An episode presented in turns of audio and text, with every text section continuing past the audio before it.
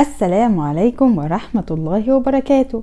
النهاردة إن شاء الله هنتكلم عن وباء الالتهاب الكبدي الحالي اللي مع الأسف بيستهدف الأطفال فقط وخاصة بين عمر 11 شهر و 13 سنة.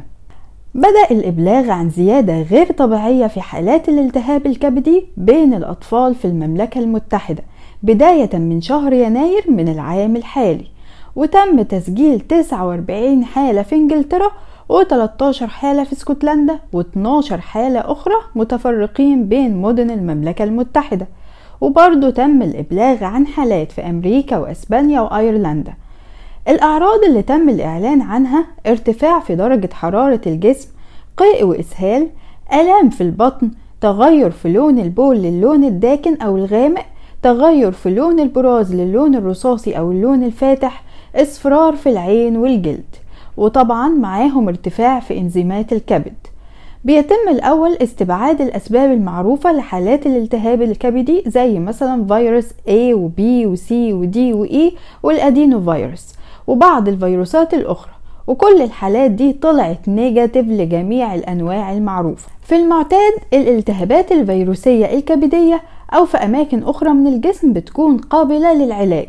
وينفع نسيطر عليها وأغلبها بينتهي بالشفاء التام إن شاء الله. لكن مع الأسف النوع المتفشي حاليا نسبة كبيرة منهم بيحصل لها فشل كبدي وبتحتاج لزرع كبد وده اللي حصل مع ست حالات من ال 74 حالة اللي تم رصدهم ودي تعتبر نسبة كبيرة مع الأسف. المرعب في الموضوع إن الالتهاب الكبدي أصلا نادر جدا بين الأطفال وده اللي بيؤكد إن وباء جديد مستهدف أعز ما في حياتنا. كل التكهنات والنظريات بتقول إن متحور فيروسي جديد مرتبط بفيروس كورونا المستجد.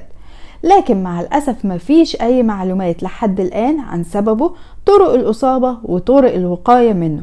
فتابعونا لمزيد من المعلومات كل يوم إن شاء الله. هنقدم لكم أي جديد في الموضوع ده وحاولوا تحافظوا على أطفالكم وتحموهم بكل الطرق الممكنة. فنحاول نتجنب التجمعات ونحاول نتجنب الأكل من بره والأطعمة الخارجية بكل أنواعها ونحاول نحافظ على التعقيم والنظافة الشخصية. ودمتم في صحة وسعادة.